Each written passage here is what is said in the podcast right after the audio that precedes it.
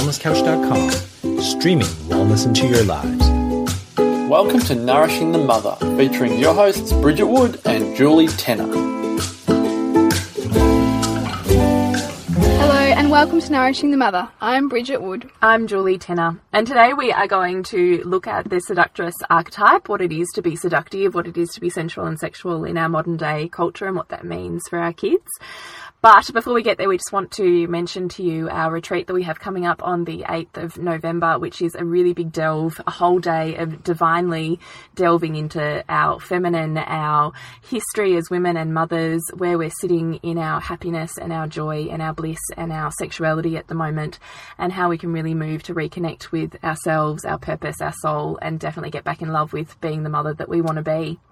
So, Bridget, I'm going to hand over to you. Yeah, so this is an interesting one. It's kind of come about. I um, recently did a film for Suburban Sandcastles, which was called The Mask You Live In, and it's all about representations of masculinity. And the producers of that film, previous to creating this one, created a film called Miss Representation, um, with the objective being to illustrate how much um, our culture objectifies women and um, sort of sexualizes girls and you know, holds women up to unrealistic expectations of themselves through media and through advertising. But part of me was really not sitting right with doing that film because I really felt like unrealistically suggesting that women shouldn't want to be sexual sexual or women shouldn't want to awaken that part of themselves um, that is very sensual outwardly that we'd almost be cutting off a part of ourselves if we were to deny that and it really got me thinking about, you know, that whole concept of, you know, videos, like music videos that objectify women, like, you know, Christina Aguilera's videos from, you know, 10, 10 years ago. Um, and that whole, you know, her gyrating on a stage singing dirty. And how on one hand we love that because it's so expressive and we love to dance to a, dance to a song like that but I myself have sort of almost felt like that that's wrong mm. because we're told that you know that, that, that that's kind of lowbrow where we're you know objectifying women and that you know like who are we to sort of stand up there and just be you know flesh up there dancing? But this really comes back to this concept of you know we're really on the theme of exploring archetypes at the moment and it comes back to this archetype of the seductress that you know that sensual woman. Um, and we really need that part of ourselves to tap into our sexuality and awaken the, the true potential of our sexuality. Um, and uh, Jules, I know you've explored a lot on that on that um, archetype, so I'd love to hear you know your perspective on it.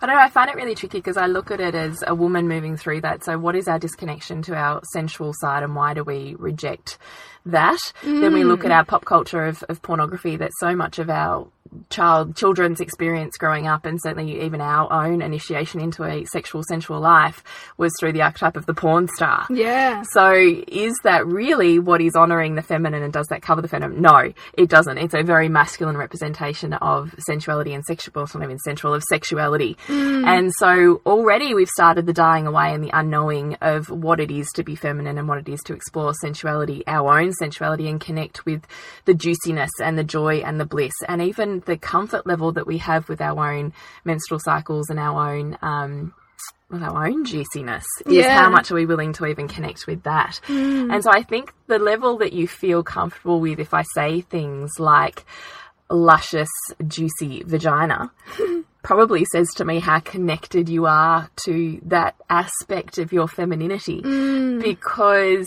that in itself is part of the problem with that culture is that it becomes so about the doing and the being and the looking this way that it completely removes the feeling and the and, receiving. And perhaps, you know, is it that our society, is, we're almost over sexualized outwardly because we're overcompensating for the fact that we're disconnected internally? Yes. You know, that there's that outward representation of sex because we're not having that within ourselves. We're not connecting with that in ourselves. We're not embodying that. So we're trying to be that outwardly in the hope that we will somehow internalize that. I feel like for the most part, women don't know what that path is. Mm. They go, I get that I'm not orgasming or that I kind of just have sex, but it's kind of perfunctory or that I don't really enjoy my sensual stuff. And even look, I even look at my own story sometimes and pull that apart and think, when was the point in my life that I decided now I'm not allowed to show my breasts? Mm. Now I have to wear mm. high cut tops and I can no longer wear low cut ones and I can't wear a mini skirt anymore. And you know, when was the point that I even decided in my own femininity that that I was going to reject it and not I guess, sit and embody that side of myself. Mm. In fact, turn my back from it and go, well, now I'm just going to wear this and look like this and therefore embody that mm. because that's more acceptable to me and to everyone else. When was that point that that happened and why was that so culturally acceptable? And why do I not have around me women that represent that path of and sensuality? also, and why do most people never question that either? You know, never, never go back and look at at what point did that change, and at what point did I feel that this was the right way? You know, Yes. or, or that it wasn't okay to show my breasts. You know, in, in my view. Yes, no, exactly, totally. Mm. And then I think we look at, you know, um, women that we see around us that, you know, a woman that's really sit, sitting so deeply in her sensuality, not even sexuality, in her sensuality, is completely free. There's something magnetic about her. And I'm sure we've all met these women Mm. at parties or in various social circles. And she's magnetic. You can't stop staring at her. Mm. Maybe you even judge her because you're a little bit jealous. Maybe she's wearing something tight and sexy and slinky because And she's feeling it. it. Yeah. Mm. Or maybe she's not. And maybe she there's just she's laughing and she's so free spirited and and luscious that you can't help but want a little bit of that. Mm. Yeah. And the men kind of buzz around her like honeycomb and it doesn't matter that, you know, she might have spider veins up her legs and maybe she's not the prettiest girl in the room. There's something that's so deeply sensual, feminine, connecting just It's, unapologetically like, it's almost like a, like a congruency within all parts of herself. Yeah, it, well, a total acceptance. Yeah. and not even, not even. It's even for me, it's more than that. It's this really deep, just knowing of the power that her connection to her sensuality has, Mm. and you know, flirtation is even part of that. In flirting, not to the point of.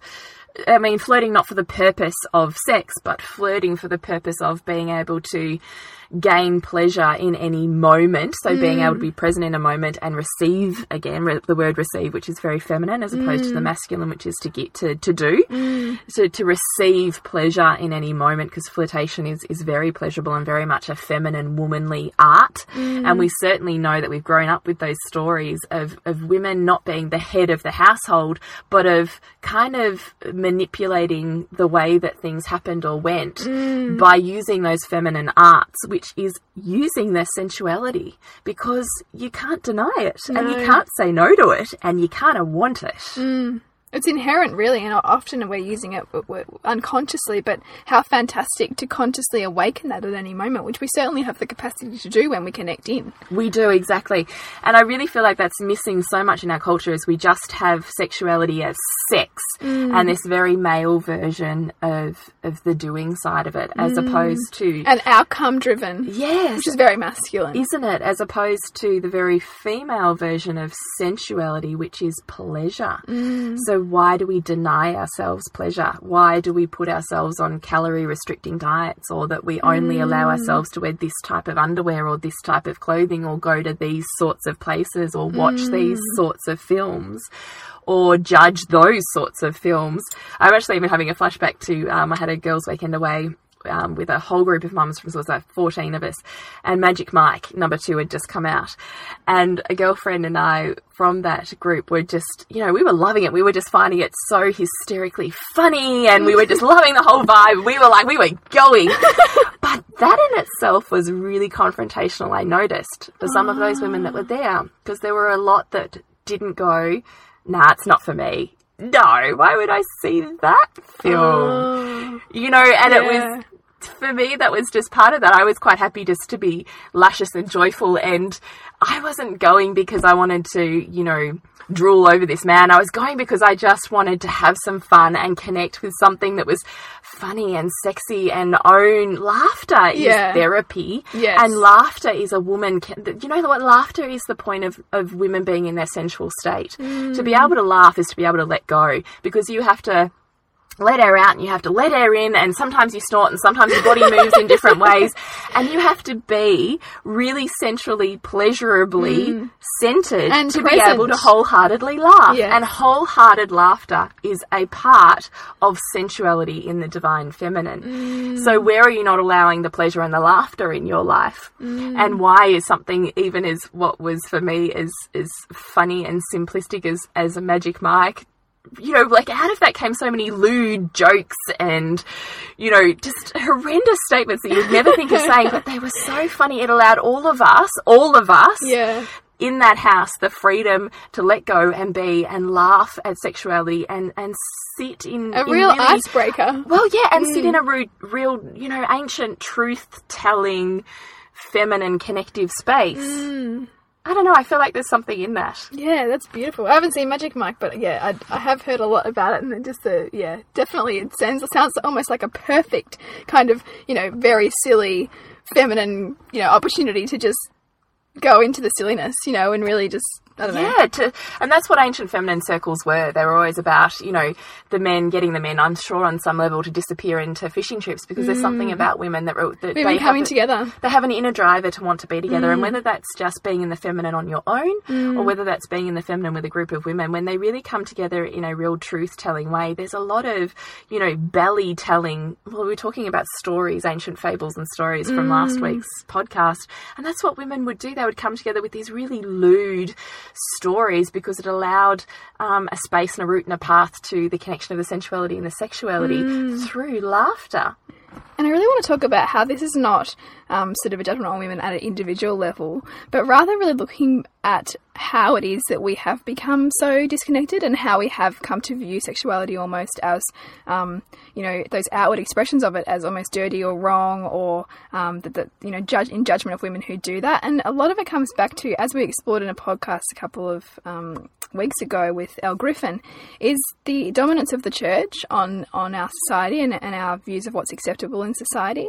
You know, the um, expansion of the Catholic Church really, really relied on um, the nuclear family and the idea of, um, you know, having lots of children and subordination and, you know, really almost demonizing sex unless it was within the family unit. And even then, it was never really talked about because, you know, sex was about empowerment and the church was into overpowering populations. Well, it was never about connecting with the sensual side. It was always about sex being for the purpose of Yes, it was all again outcome driven. Yes. It's that masculine way. It was never about, you know, allowing ourselves the pleasure in it. No, it was denying pleasure. It was all about okay, how many children can you have so we can spread our spread Yeah. our word. And again, we come back to women are so culturally ingrained to deny to deny themselves pleasure, Mm, and therefore you can't ever reach connection with your sensual side unless you're willing to honor your need for mm, pleasure. Mm, and even, I mean, some women will often say probably they've become used to not getting that, you know, in a physical sense. But perhaps it's, you know, there's a real question to ask there about, well, there must be some underlying, perhaps, frustration there, you know, there's something mm. not quite there. I think, like the maiden that we talked about in archetypes last week, there's a knowing. Mm. There's a knowing that there's something more and a driver to want to get there. But not no how. one, you got to remember, there's no, generally, I think women are not surrounded by role models mm. or the path or necessarily even that they would allow themselves to seek the more. Mm. and who do you go to? Exactly. You know, who do you trust enough to have those conversations with? You know, someone. Who even has the knowledge? yeah, that's right. Yeah, it's been so culturally ingrained mm. out of us. We no mm. longer have generational, you know, handing down of womanly arts the way that we would mm. have centuries ago. I, you know, other than the birds and the bees talk, Yeah. that was very much about the route to pregnancy. There was nothing further from my mother. But and yet this is this is actually the key to awakening the strength of a woman, the strength of a girl, the strength of a teenager, you know, going through those transition life transitions where there's so much peer pressure. You know, if you can um, awaken your child's connection with herself and deep inner knowing and trust and and you know, trusting her with um, her sexuality and allowing her to grow into that and own that and that not be something to be afraid of, then isn't that the best, you know, kind of, you know, way to send her out in the world that means that she, you could give her. the gift you could give her. You know, we talk so much about, um, you know, issues at the moment in the news around domestic violence, or you know, all of this stuff around women being um, tr- downtrodden, and but really, I think so much of it's about changing the conversation that we have with our girls, um, and helping them to think critically about the society that tells them how they should be. That as is how they should behave and what it, that should look like. Yeah. When it's actually not a representation of the feminine at all, it's a representation of the masculine. But for in order for our daughters to gain that knowledge, we as their mothers have to be willing to embody that knowledge. And to embody that, we need to do that journey ourselves. That's exactly right. I mean, that's kind of the purpose of our retreats, isn't it? That's Mm. how we came to it. Was that part of our journey through reconnecting with ourselves and our pleasure and our joy was through reconnecting with our sensuality and removing Mm. the barriers to it, removing the barriers that we put up and that we perceive are there for receiving of pleasure.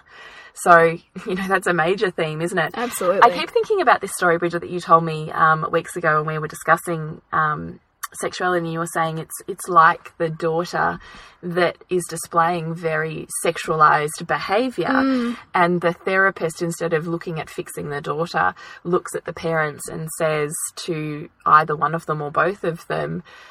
What's happening in, the your family. sex life? Yeah, and that's really based on this concept of the law of conservation, which a family unit demonstrates beautifully because nothing's missing in a family. So, you know, in a family, you'll always have um, somebody sort of fighting or there'll always be conflict. It's impossible to have always have harmony.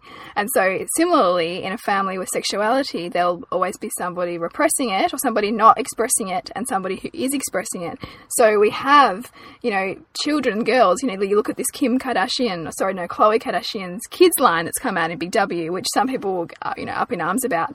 Um, but even though I know she's not sexualizing toddlers, but the idea is that that's still a sexualization of children, and this is happening on a wide scale. This concept of girls kind of jumping into that femininity so young, but it's ultimately a reflection of the adults who are repressing it. You know, the children, the, ch- the children are expressing it because we have not become comfortable in our adulthood with this, and it's really as a result of that um, conscious or unconscious um, patterning to do with you know those old societal views on sex and the church and you know just kind of buttoning up. and also our, our generational disconnection from the feminine. Mm. It's not only that that we have those cultural belief overlays; it's that we've completely dismantled our path towards them. And you know, children really are. You know, it's, if you don't have the role model for something, then you don't know it. You know, it's not something unless you, there needs to be something around you that helps you to awaken it within.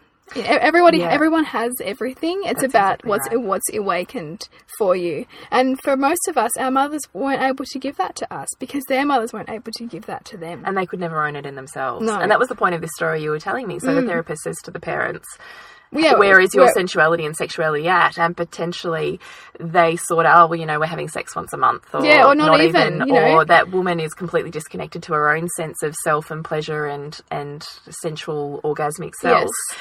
And, and, as and, as, and the child, and so as soon as the parents started to go and have sex again, Yes. the child's behaviour calms down. yeah, without and doing anything to the child. Nothing to the child. It's about shifting the energetic or the, the ownership of where that sexuality is sitting in Yeah. that space, and therefore how connected to the central side is that mother. yeah, Absolutely, and I mean, and knowing too that yes, that girl uh, might have been expressing it, um, you know, sort of gyrating around the living room to some song or whatever. Um, but that doesn't necessarily mean that she was really deeply connected with it either. So there's still that work to do, isn't there? There's still that work that we all have as parents to to do to help give both boys and girls that that more healthy um, ability to express sexuality and explore it in a way that's safe and then in a way that's empowering. Yeah, which again, like you were saying from our last week's podcast, was coming back to our intuition, but then Mm. also in owning our own barriers to pleasure and owning our own sensuality, Mm. we provide the path to the the path of sexuality that is um, respectful and Mm. it doesn't allow for abuse. Yes. And that really reminds me actually of the interview that I did with Dr. Arne Rubinstein, who is an author and a doctor and runs these rites of passage retreats.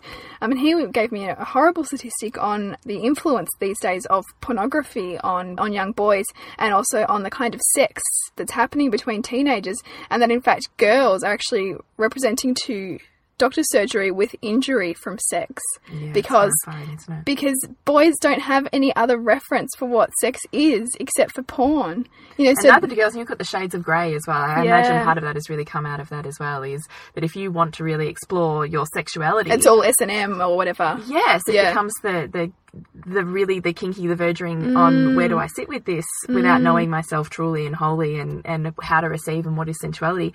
And for me, Shades of Grey even goes beyond that. Like this is really almost me the perfect archetype of how far we've come, um, that we cannot receive pleasure without being tied up and forced to. And that for me speaks volumes because every woman I know is to some extent fascinated about that. Whether they've read the books or not, there's a concept within that Shades of Grey that they are fascinated about.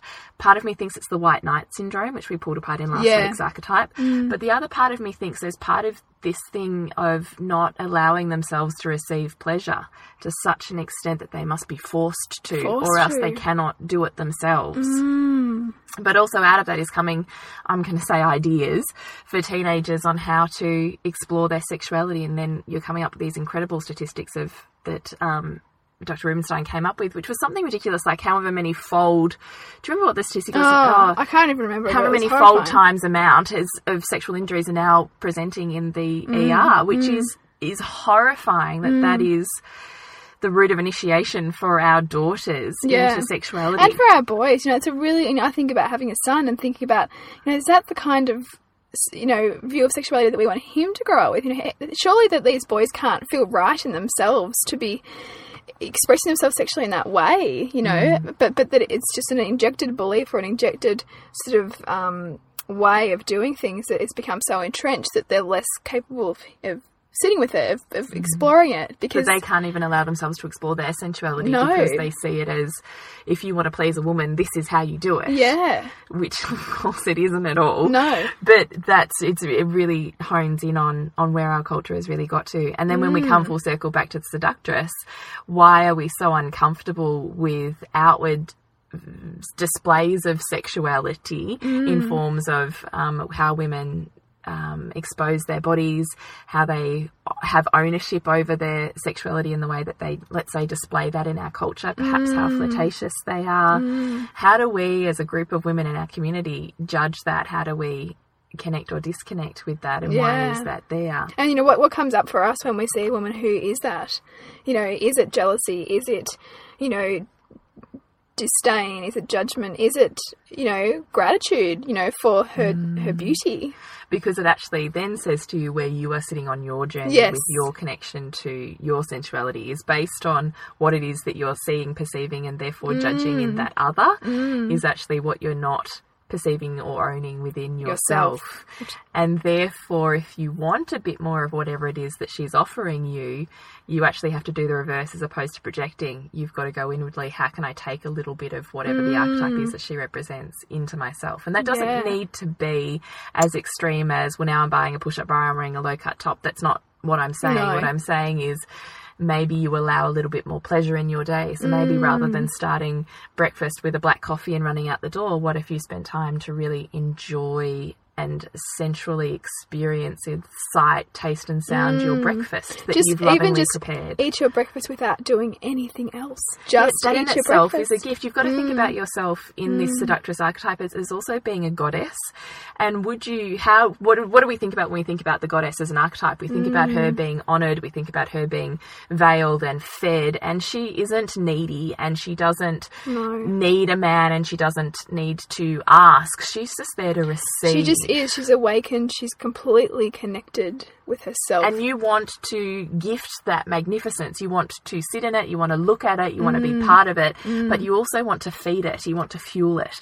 And so you've got to also see in yourself where that is within you, and Mm. therefore, what is it that you need to feed in your soul and in your body and in your life to allow yourself to be sensual. and really sit with it and own it and explore it because i mean that's a beautiful thing you know everybody around us is helping us to awaken a part of ourselves or own a part of ourselves um, and so when you do see those people it's it's an opportunity to ask yourself where where am i doing that or, or where can i where do i have the potential to express that because we all have it We all do. Mm. And it's really hard. How do we teach? I know that you had come to me with a question, Bridget, on how do you teach your son how to not objectify women when we're looking at video clips that are all about the sexy, the slutty, and the I don't know how much gyrating can I do in a film clip. Yeah. And and also in the songs, so there's lots of pop songs that have the most hideous Yes. lyrics Oh, to them. don't They're- they? They're awful. But for some reason, there's something that is fascinating or connecting about some or all of those songs Yeah. for any one of us. Yes. And, you know, I even have mums at school that I sit really differently on that with because I don't, um, I allow my son to listen to whatever music he wants to listen to and I sit with it in place of music therapy. So if there's a beat or a tune or a, um, I don't know, a construct that he's really feeling in his body and he's very much the person that will express that by dancing and really owning. I feel like that's his really, that's his masculine ver- version of owning his femininity is through movement and dance. Yes. And I love that he can connect to his feminine through connection with music. So therefore, I don't actually care in a way what music he listens to and what the lyrics are because they will mean something very different to him to what they mean to me. Yes. But also it's not necessarily the lyrics. There's just something about the suggestion in those songs that he's connecting with. Now, of course, I still have discussions with him, which we're doing at the moment about, you know, appropriate use of swear language and, you know, where we, um, when it's okay for certain ages and people and places to use that and when it's not. Yeah. And that I expect that level of behaviour from him. And we are constantly having discussions about the sensuality and the sexuality and the femininity in, in very small, bite sized pieces that are at his age level. Um, and so I know that you would come to me and say, but how are you going to teach this? How do you allow him to, you know, see or experience these things in the world and not expect that he's going to come out of that with the negative version of, you know, what it is that we're mm. really rallying against in mm. femininity? And to be honest, I don't really know. I'm kind of figuring it out as I go. But part of me is really sitting with, and I can see he's nearly 10 now, and even the Bonds ads come on, and I can see there's something that's a bit fascinating. And all of the kids around him at the moment are kind of toying with the idea of boyfriends and girlfriends. It's still too scary, and I don't want to know about it, but I'll joke about it and I'll muck mm. around with it a little bit. So there's something that's already instinctually enticing them t- into the sensual ownership of themselves. Mm. And I feel like it's really crucial how we handle that. Absolutely. Those, I conversations feel- are so. It's just such. But a, even the way we respond to the way to what they're displaying or looking at or viewing, I feel has the potential to be damaging and crippling mm. as much as it has the potential to be I don't know, explosive and honouring on that future mm. adult. Mm. I think it's really key to just not necessarily react like like you might be to shut down something like that or explain it away. I think it's a real opportunity to unpack. You know, isn't it? Yeah, I really think so. I haven't figured out the perfect way to do it. But I did come across, and I did want to read this article that I know I'd read to you earlier that I came across actually on Elle Griffin's blog, the, um, not blog, magazine, the Over the Moon magazine. I have read so many articles on there, I don't even know where I got this snippet from, but this story sat so deeply with me and really speaks about how we um, view the feminine with our boys. And so I really wanted to read that to our listeners. Yeah, go for it. So this is a story about a mum who's sitting in the hairdressers and her son is in the hairdressers with her. And next to her on the table is a coffee book that's full of images and posters of pin-up girls from the 1950s. And I don't know about you, but I'm really fascinated by even those pictures themselves. They're not mm. necessarily the pornography that we have now, but they were kind of the version of pornography back, Back in the then. 1950s. So you've got to kind of mm. get context of that we're kind of looking at the same images just a little bit differently. Mm. But there's something about those 1950 pin-up girls that are just they're irresistible Oh, and they're so enticing. oh so enticing. That's really that deep feminine seductress archetype almost for me is what those 1950s pin-up girls are. There's something fascinating about them. It doesn't matter that they're not fully undressed or whatever. There's something so alluring. it's even the way they hold themselves. Yes, it is, You know, it's- isn't it? it's- yeah. Mm. It's almost the goddess, isn't it? In in that. Anyway, so this mum's at the hairdressers. She's flicked through this book of um, beautiful women in in pin-up style, and she's popped it down. And her son, who's eight or nine at the time, sees her put it down, and there's something that she can register. He's a little bit fascinated by, so he kind of teeters over there, and he kind of lifts the cover a little bit, checks no one's watching, and shuts it again. But then he can't help himself, and he's back again and he's flipping the pages up just a little bit just to kind of see a little bit more and she just sees it and she decides to let it go allow him to explore whatever it is that he's fascinated by and have the discussion with him later so this is then this mother's walking out into this car park after the hairdressers with her son and she chooses now to start the conversation with him so she says Did you think the women inside were beautiful? He nods and shrugs again, but I could feel his words were just around the corner. I reached for his hand to bring him closer to me. He silently shared his curiosity and the enchanting effect the women had on him. He wondered if he'd done something wrong by peeping into a grown up only zone. The purity of his discovery was worthy of a thoughtful, measured response. I didn't have one of those. I had a glorious sunset instead. All of the cars in the parking lot sort of blurred away against the sight of the early evening sky. It was fluorescent and shouted to me all the answers I wanted for this beautiful little boy. Do you see those colours in the sky? He did. When you look at the beauty of the light and the clouds, it makes you feel warm and happy. That's just like a woman.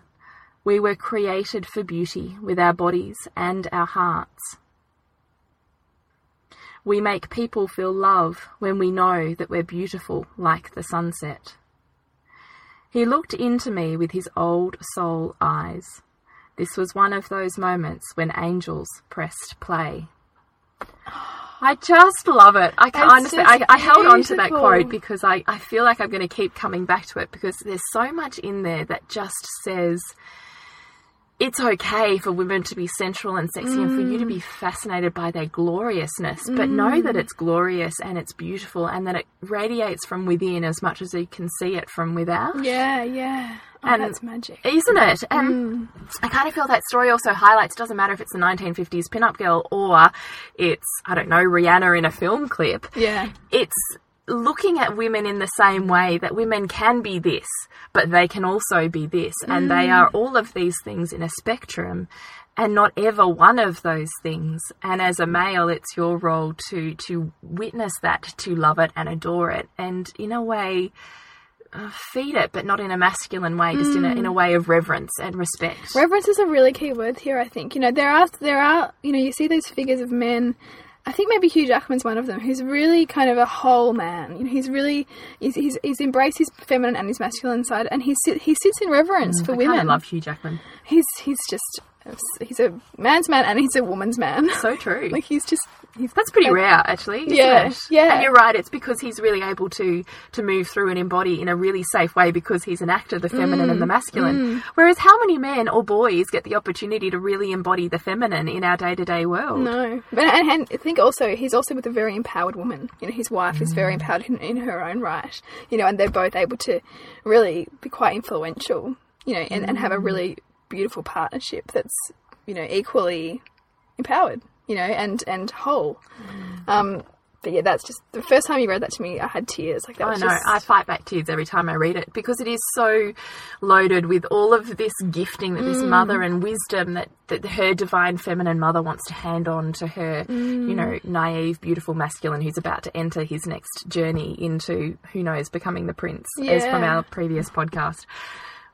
But you know, she doesn't even she doesn't know what those words. She feels them. She doesn't mm. know what those words are, and she doesn't know how to hand them over. And instead, she chooses such a magnificent example that is mm. so connected with the divine and the universe, and in everything that he sees as a mm. representation of the feminine. And I kind of just love it. I think it's beautiful, but too because it's not it's not her trying to hand down her projected view of something, which I think is can often Yeah, happen as parents. You know, like we often sort of hand down what we think's right, you know, and it really frames our child's view of the world, and that's just what's going to happen. It- It's no way of avoiding that. But when we can choose, you know, mindfully those conversations and those words, that that's just magic. I so agree. Mm.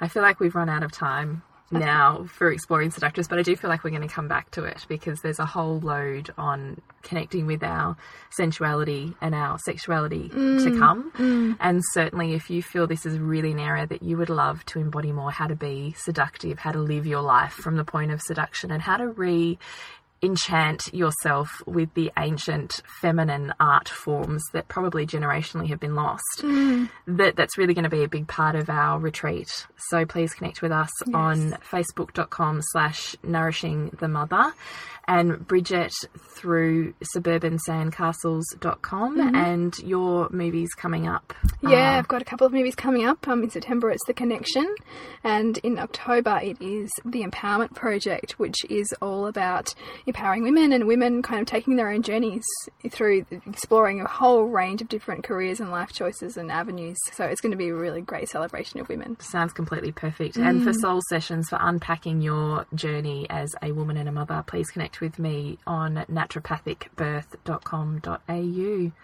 So until next week, we hope you find some pleasure in your day that you can keep just for yourself, even if it's just a quiet cup of tea. This has been a production of TheWellnessCouch.com. Check us out on Facebook and join in the conversation on Facebook.com forward slash The Wellness Couch. Subscribe to each show on iTunes and check us out on Twitter. The Wellness Couch, streaming wellness into your lives. Whilst the Wellness Couch presenter endeavor to provide accurate and helpful information to their listeners, these podcasts cannot take into account individual circumstances and are not intended to be a substitute for health and medical advice from a qualified health professional. You should always seek the advice of a qualified health professional before acting on any of the information provided by any of the Wellness Couch podcasts.